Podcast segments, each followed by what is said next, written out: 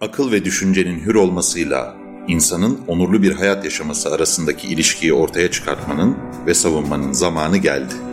Daktilo 1984 bu amaçla podcast yayınlarına başladı.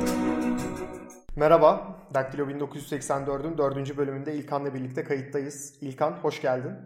Hoş bulduk Numan. Geçtiğimiz haftanın gündemi yoğundu. Ama ben Tayyip Erdoğan'ın bir beyanıyla başlamak istiyorum. İstanbul'un terör örgütlerine peşkeş çekilmesine mani olacağız dedi.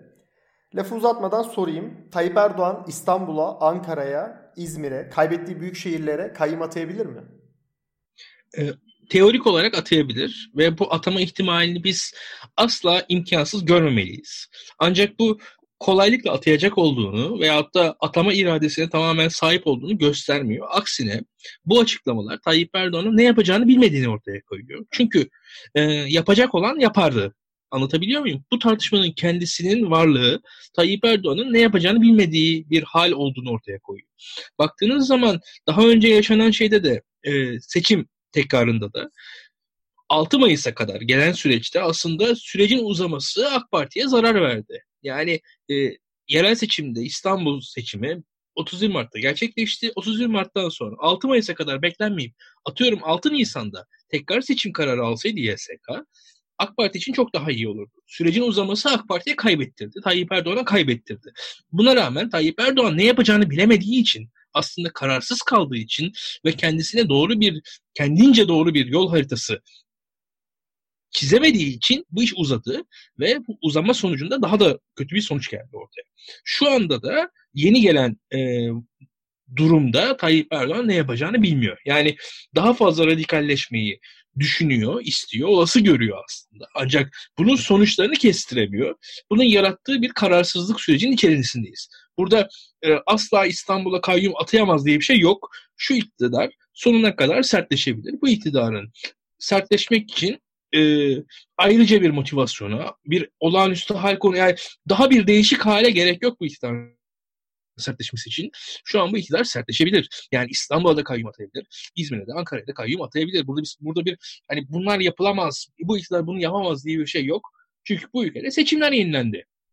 Yani seçimler yenilendikten sonra yani daha önce olmayan bir şey oldu. Bu yüzden de biz kendimizi daha önce olmayan şeylere hazırlamamız gerekiyor. Bunları olabilir görmemiz gerektiğini düşünüyorum ben. Yani Tayyip Erdoğan ne yaparsa yapsın bir sonraki hamlesi daha demokratik bir hamle olmuyor. Her zaman daha otokratik, daha otoriter bir yere doğru evriliyor kendi kendine. Numan öyle bir şey ki AK Parti belli bir yola girdikten sonra Tayyip Erdoğan bir yola girdikten sonra yani bu hemen hemen 2000 e, yani gezi süreciyle başlatabiliriz bunu.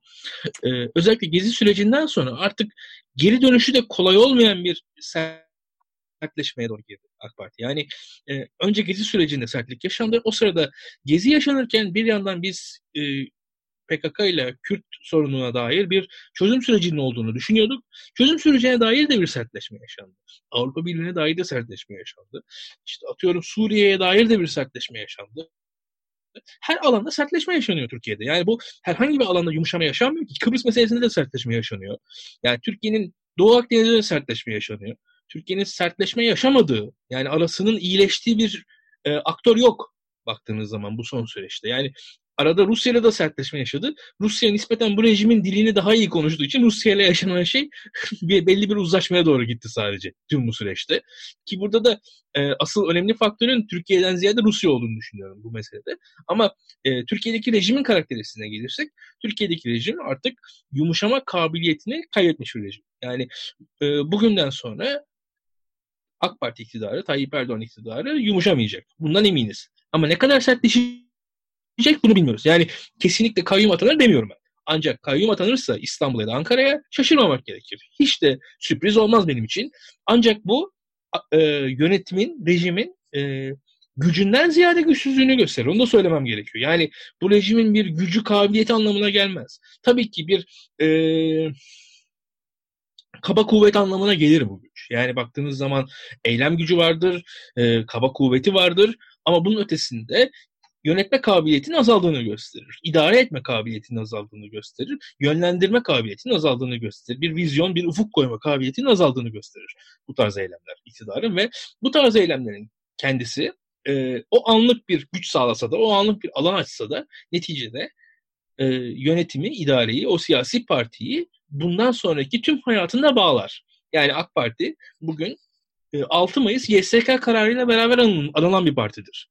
Yani AK Parti yine aynı şekilde bu Diyarbakır'a, Mardin'e, Van'a atanan kayyumlarla beraber alınacak bir partidir. Ee, eğer İstanbul, Ankara'ya kayyum atanırsa yine AK Parti önümüzdeki tüm seçimlerde, önümüzdeki tüm yıllarda bu kayyumlarla beraber anılacak. Yani demokrasiyle olan ilişkisi sorgulanacak bir parti olacaktır. Baktığınız zaman bu eylemler size anlık olarak güç sağlasa da uzun vadede size kaybettirecek eylemlerdir. O zaman bu güç konsolidasyonunun diğer bir kaybedenine dönelim. Ahmet Davutoğlu yeni parti çalışmalarına hız vermişe benziyor. Terörle mücadele konusunda defterler açılırsa birçok insan insan içine çıkamaz dedi. Bu sözleriyle Bahçeli'yi hedef aldığı tahmin ediliyor. Çünkü konuşmada çok kısa bir kısım kesildi ve medyaya öyle servis edildi. Konuşmanın uzun halinde daha genel bir şeyden bahsediyor esasında. Başlangıçta sanılanın aksine Davutoğlu daha derli toplu bir muhalefet izlemiyor mu şu an? Yani başlangıçta herkes daha çok diğer e, partilere, diğer yeni oluşumlara yani Ali Babacan'ın oluşumuna e, mail ederken şu an Ahmet Davutoğlu sanki daha derli toplu bir çizgi izliyor gibi. Bir de ekstra olarak bir şey daha sormak istiyorum İlkan. Muhalefet cephesinin yani şu anki hali hazırda muhal, muhalif olan insanların Ahmet Davutoğlu ve Ali Babacan'a karşı bir bakışı var. Bu bakışı da siz bu suça ortaksınız gibi bir bakış açısına sahip bu insanlar. Bu insanlardan bir diyet ödemeleri, bir bedel ödemeleri ya da bir öz eleştiri yapmaları isteniyor. Bunu nasıl değerlendiriyorsun? Ve aynı zamanda Ahmet Davutoğlu'nun siyasi çizgisini şu an nasıl değerlendiriyorsun? Ee, Ahmet Davutoğlu'nun e, son açıklamaları üzerine konuşmamız gerekiyor. Ahmet Davutoğlu'nun son açıklamaları bir defa kamuoyunda anlatıldığı anlatılmak istendiği gibi e, Haziran'la Kasım seçimleri arasındaki süreci e, ve o süreci e, şaibeli hale getiren bir açıklama değil. Aksine Ahmet Davutoğlu Haziran ve Kasım seçimleri arasındaki süreci bir başbakan olarak sahipleniyor. Ve burada çözüm sürecinin bitişini sahipleniyor Ahmet Davutoğlu ve tam aksine çözüm süreci sırasında PKK'ya verilen tavizleri eleştiriyor o açıklamasında. Ve yani o açıklama dikkatle okunursa Ahmet Davutoğlu e, bizim bir kimi muhaliflerin gördüğünün tam aksine nispeten daha milliyetçi bir pozisyona doğru pozisyona kendisini oturtuyor ve benim bulunduğum pozisyona MHP neden eğer bir milliyetçi parti gelmedi diye milliyetçi çizgiyi kendi pozisyonundan eleştiriyor.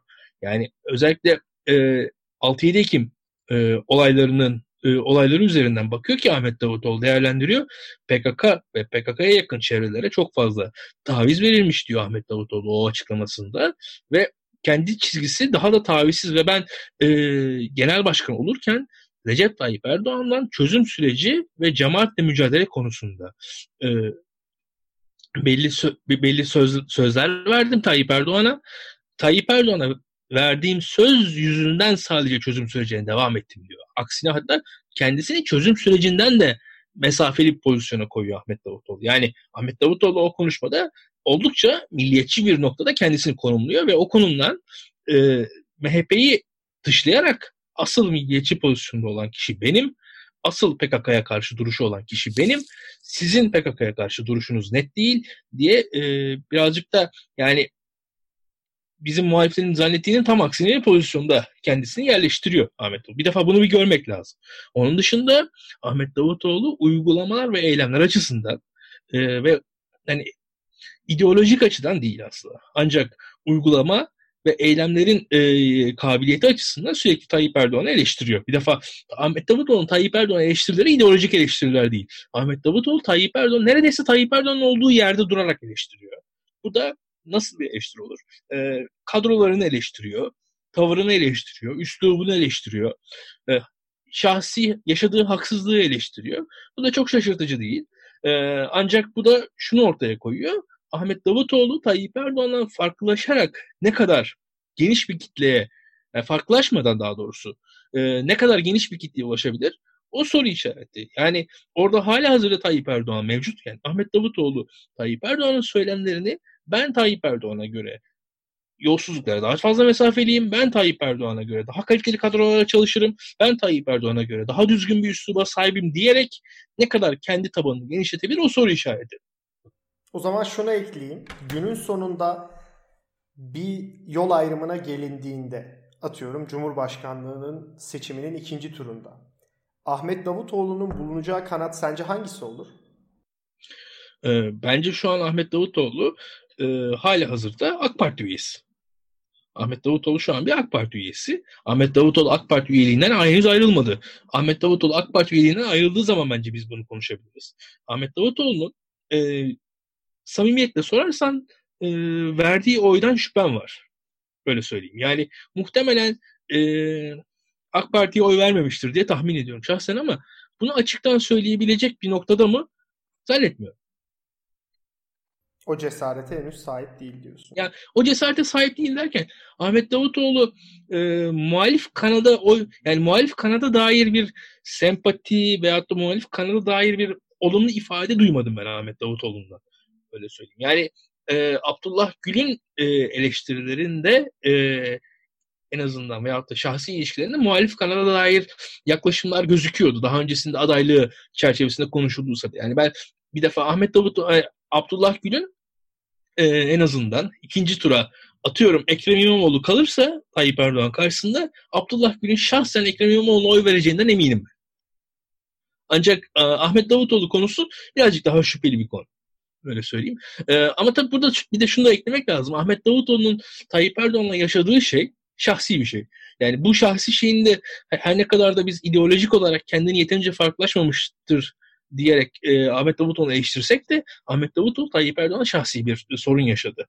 Ve şahsi şeylerinde kişisel olanın da politikada önemini e, hiç küçümsememek gerekiyor. Yani bugün e, Turgut Özal'la Süleyman Demirel arasında inanılmaz bir ideolojik bir mücadele yoktu. Ancak şahsi mücadele Türk siyasetinin 15 yılına damga vurdu. Asla bu şahsi olanı küçümsemeyelim yani. Hani o şahsi mücadele dedim bir yandan hani e, sadece küçümsemiş oldum ama o şahsi mücadele asla e, yatsınacak bir şey değildir.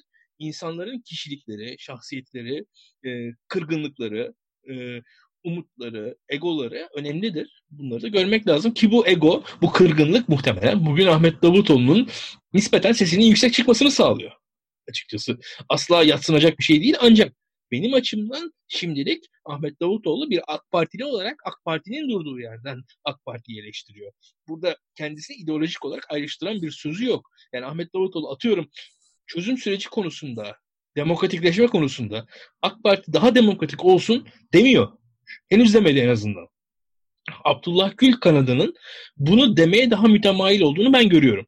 Ha, e, ne kadar mütemayildir? Muhtemelen gene bizim tahmin ettiğimiz kadar ya da arzu ettiğimiz kadar mütemayil değildir. Ancak Ahmet Davutoğlu'na göre bu farklılığı görüyorum kendince.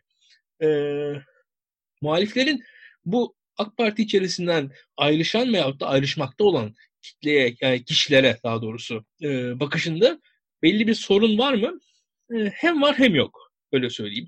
E, Türkiye'de sağın diliyle sağ dışındaki sol e, veyahut da merkez hareketlerin dilleri arasında yani diskurlar arasında farklılık var. Türkiye'de sol hareketlerdeki insanlar kendilerini e, gereğinden fazla ifade ediyorlar hatta. Biraz öyle söyleyeyim. Yani e, atıyorum ya tweet'i bin tane RT alan bir kişi kendisini önemli bir yazar görüyor.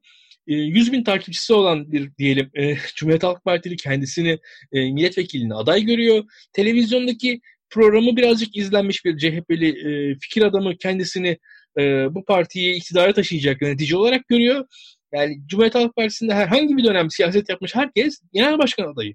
Yani CHP'de insan öyle başlıyor. Yani CHP üye olduğunuz anda bir genel başkan adayısınız zaten yani. Hepiniz her, her CHP'nin bir kendince ağırlığı var. Herkes kendisini çok önemli görüyor.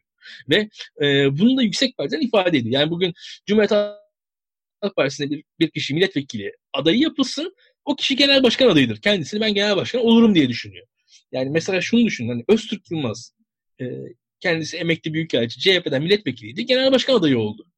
Öztürk Yılmaz AK Parti'ye gitseydi genel başkan adayı falan olmayacaktı. Yani hani bu kesinlikle biliyoruz. Yani bu e, genel başkan adayı ol, olamayacağından, onu hayal bile etmeyeceğinden, öyle bir e, yani öyle bir rüya bile görmeyeceğinden eminiz. Ama CHP'ye giren herhangi bir kişi kendisini genel başkan adayı olarak görüyor. CHP e, böyle bir şey. Sol böyle bir şey en azından. Sağ böyle bir şey değil. Yani bir bunu görmemiz gerek. Yani sağ gerçekten böyle Türk sağı, hele hele İslami hareket hiç böyle değil.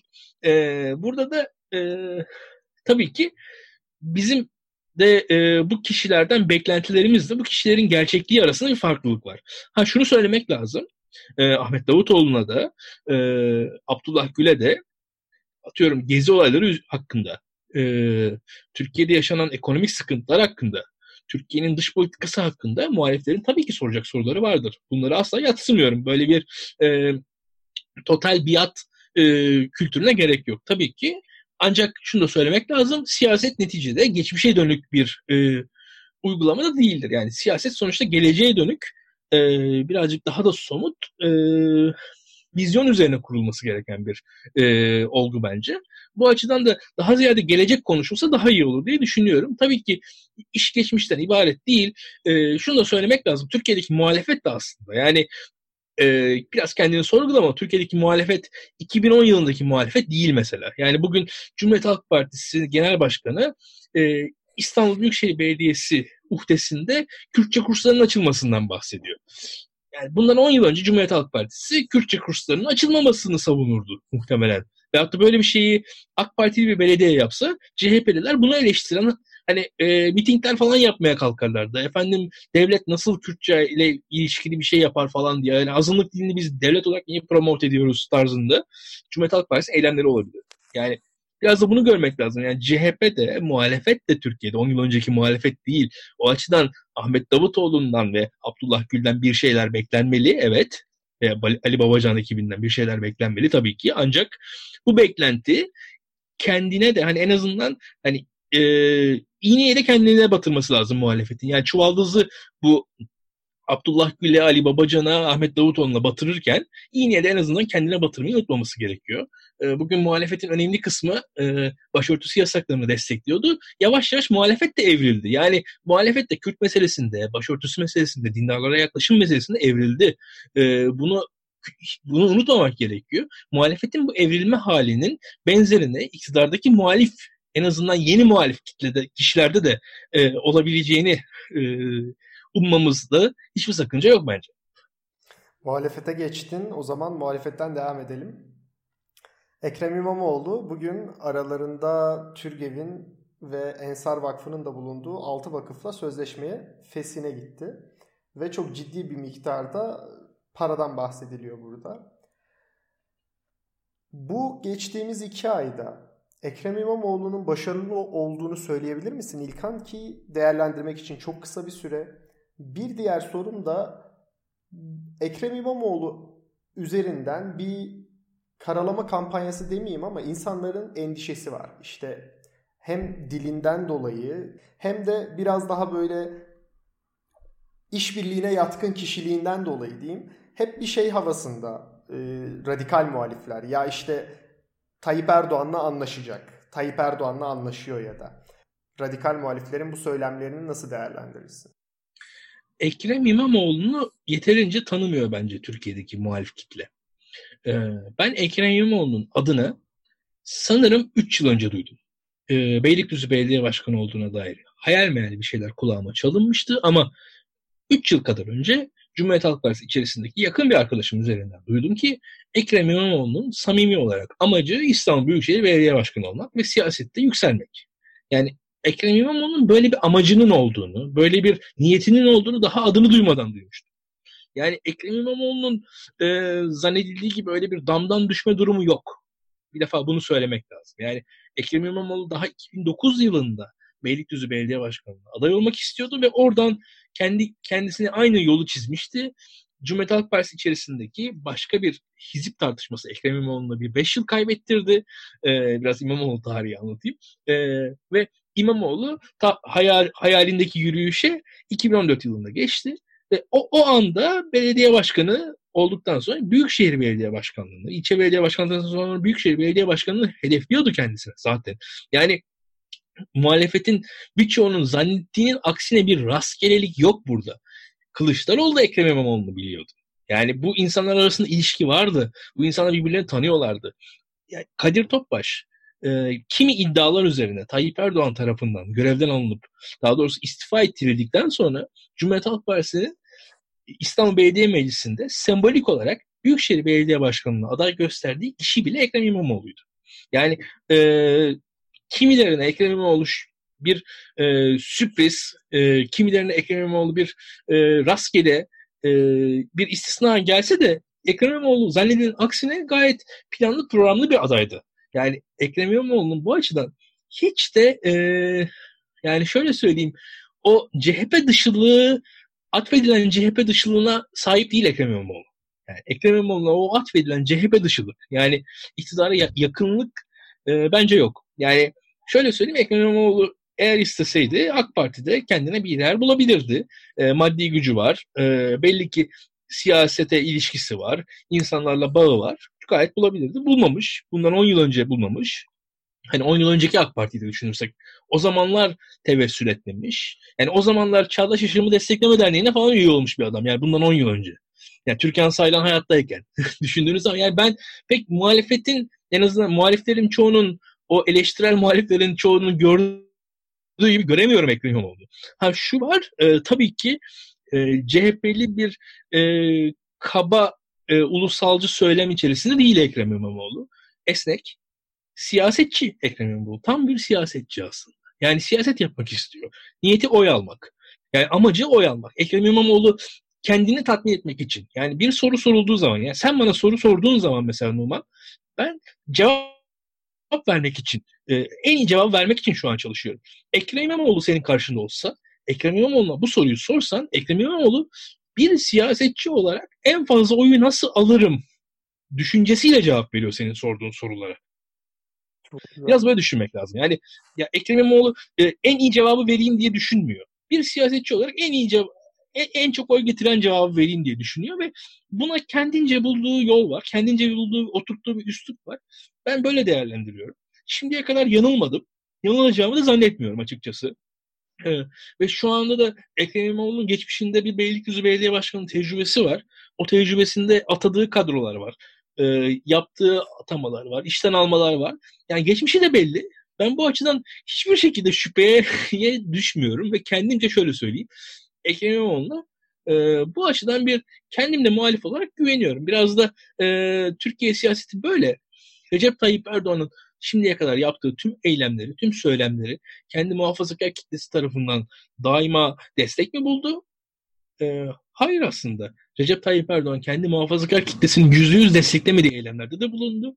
Ama o kitlenin büyük çoğunluğu eğer Tayyip Erdoğan yapıyorsa doğru yapıyordur diyerek birazcık da körlemesine destek verdiler. Tabii ki körlemesine destek verin demiyorum insanlara ama e, belli siyasetçilere de bir noktaya kadar e, eğer onları destekliyorsanız güvenmenin çok yanlış olmadığını düşünüyorum. Tabii ki sorgulayacak insanlar. Bunda hani insanlara kör körlemesine destekleyin diyemez. Diyemeyiz. Hiç kimse diyemez bunu. Ama e, AK Parti'nin geçmişini de bir düşünmek lazım. Yani Türkiye'de sonuçta başarılı olmuş bir siyasi parti. Oy almakta gayet başarılı olmuş bir siyasi parti. E, atıyorum Tayyip Erdoğan e, LGBT hakları konusunda o açıklamaları yaparken onu muhafazakar seçmeni izliyordu o programı. Ve o program sonucunda isyan etmedi o muhafazakar seçmen. Bugün bunu demek gerekiyordu diye düşündü o muhafazakar seçmen.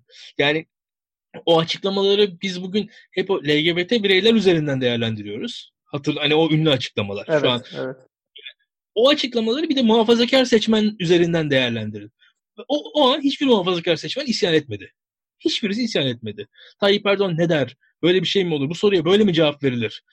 Ortalık yıkılmadı. Kimse Tayyip Erdoğan'ın yaptığı açıklamalar yanlış. Efendim iki oy alacaksınız diye kendinizi kime yaranmak istiyorsunuz falan demedi hiç kimse. Yani biraz da bunu görmek lazım.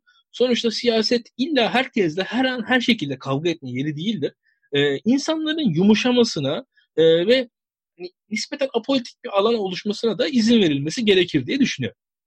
Ben de çok küçük bir ekleme olarak bu özellikle bizim cenahtaki mikro manage etme hadisesinden bir vazgeçmesi gerektiğini düşünüyorum. Yani işte İstanbul Büyükşehir Belediyesi'nde bir atama yapılıyor. Ya oraya o mu atanır? İşte onun şöyle bir geçmişi var.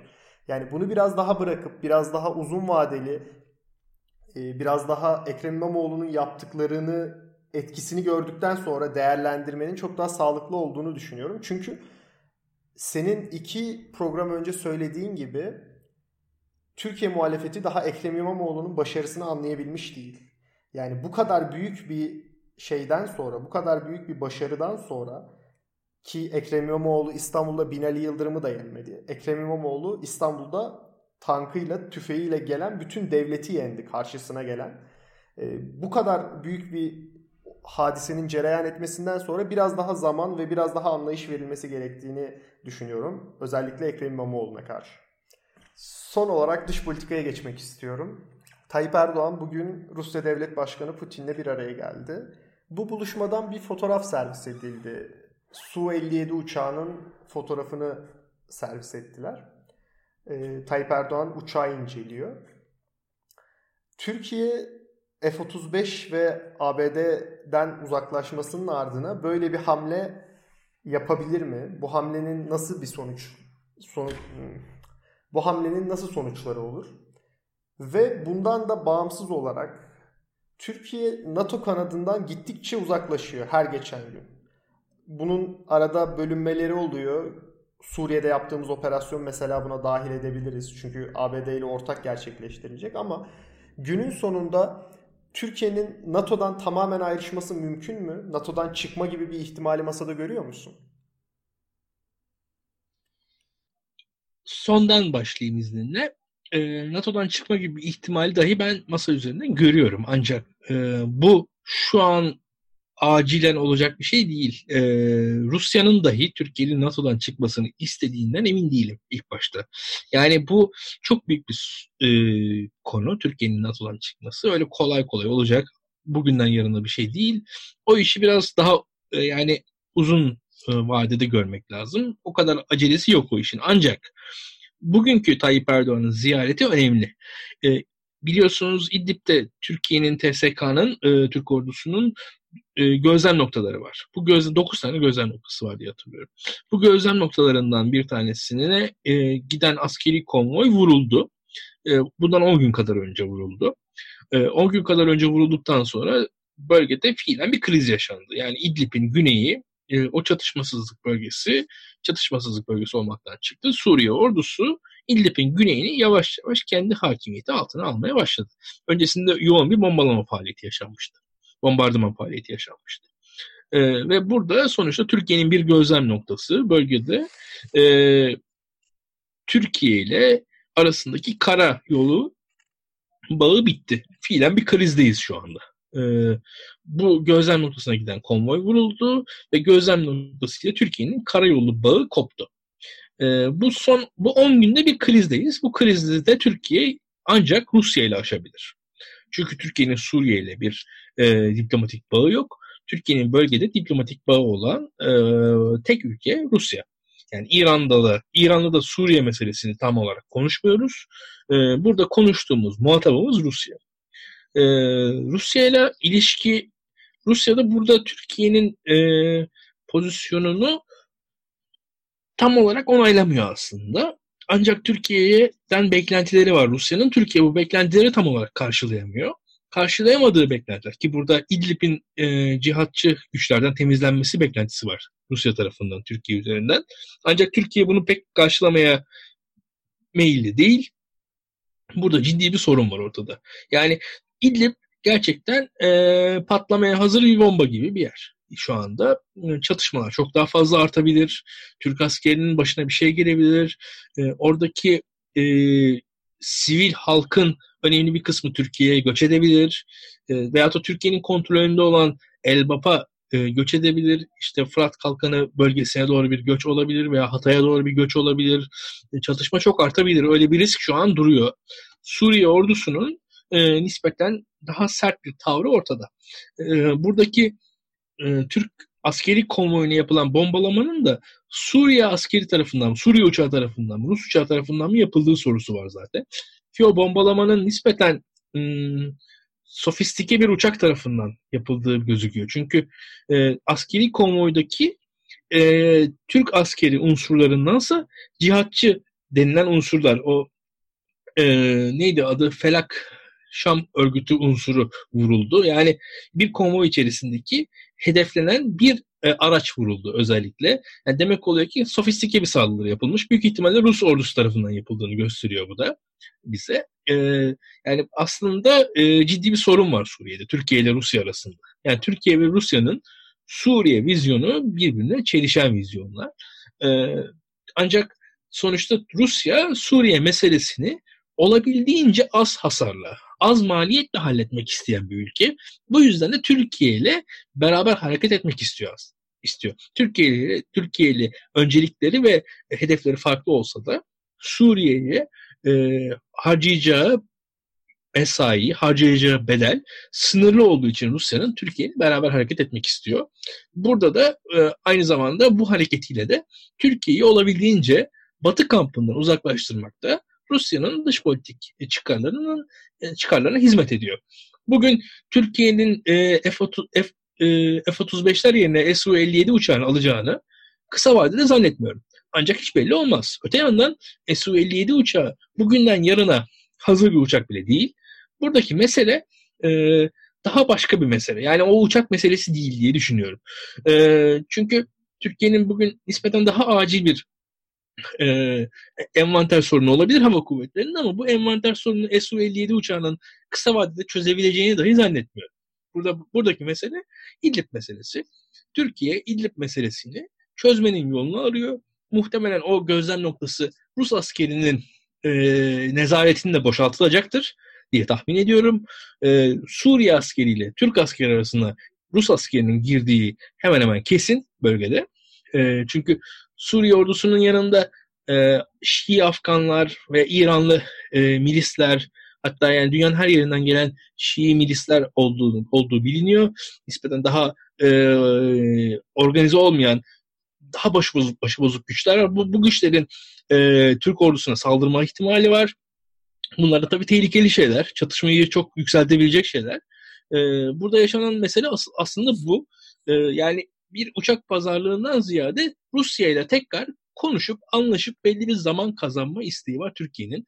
E, kazanabilir mi? Kazanabilir. E, çünkü Rusya sonuçta Türkiye'yi itmek istemiyor. Rusya'nın da niyeti o. Yani Türkiye'yi tam anlamıyla kendi yanından iterse İdlib'de Türkiye'nin Amerikan e, çıkarlarına daha fazla hizmet edeceğini, bunu da Türkiye'nin Amerika ile yakınlaşmasının Rusya'nın e, gerek Suriye'de gerek dünyanın çeşitli yerlerinde e, aleyhine olacağını düşünüyor Rusya. Bu. Ben de küçük bir ekleme yapayım. Türkiye'nin Rusya ve ABD ilişkilerinde böyle kritik bir rol oynaması ya da NATO açısından böyle kritik bir rol oynaması ki aynı zamanda Rusya açısından da kritik bir rol oynamasının sebebi iki tarafa da belirli mesafede olması. Eğer siz burada NATO'dan çıkmak gibi bir e, eylem gerçekleştirirseniz Rusya açısından da bir kıymetliniz kalmaz. Yani zaten Rusya ile ilişkilerin en önemli ya da Rusya tarafından değerli olunmasının e, yegane sebebi aynı zamanda NATO NATO tarafından da değerli olmanız. Fakat NATO'dan çıktığınızda elinizde böyle bir değer kalmayacak ve Rusya için de artık bu kadar önemli bir aktör olması devam eder mi? Çok zannetmiyorum. İlkan çok teşekkür ediyorum katkıların için. Bu haftaki yayınımızın sonuna geldik. Şöyle küçük bir duyuru yapayım. Aramızda bazen ses e, geç gelmesi oluyor. Bunun sebebi de bizim farklı illerden programa bağlı programı yapıyor olmamız. Yani internet altyapısının belirli yerlerde kopmalar yaşaması. Bize destek olmak isterseniz daktilo1984.com'dan patron hesabımıza ulaşabilirsiniz. Yayınlarımızı beğeniyorsanız daha çok insana ulaşmamız için yayını paylaşın. Gelecek haftalarda yeni konular ve yeni konuklarla yayınlarımıza devam edeceğiz. Hoşçakalın. Hoşçakalın.